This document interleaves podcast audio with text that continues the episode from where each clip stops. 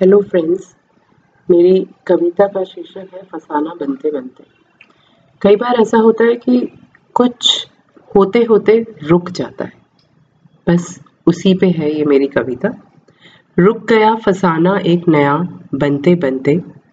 थम गया नीड एक नया, बसते बसते। बुझ गया दीप एक आस का, जलते जलते। रुक गई कली एक फूल, बनते बनते। थम गए बादल ये बरसते बरसते। रुक गया मयूर भी एक, नाचते नाचते। थम गई कोयल एक नगमा गाते गाते। ठहर गया सूरज ये उगते उगते, और बुझ गए तारे ये जगमगाते जगमगाते। क्योंकि आज फिर रुक गया था एक फसाना नया बनते बनते। थम गया था नीड़ एक नया बनते बनते।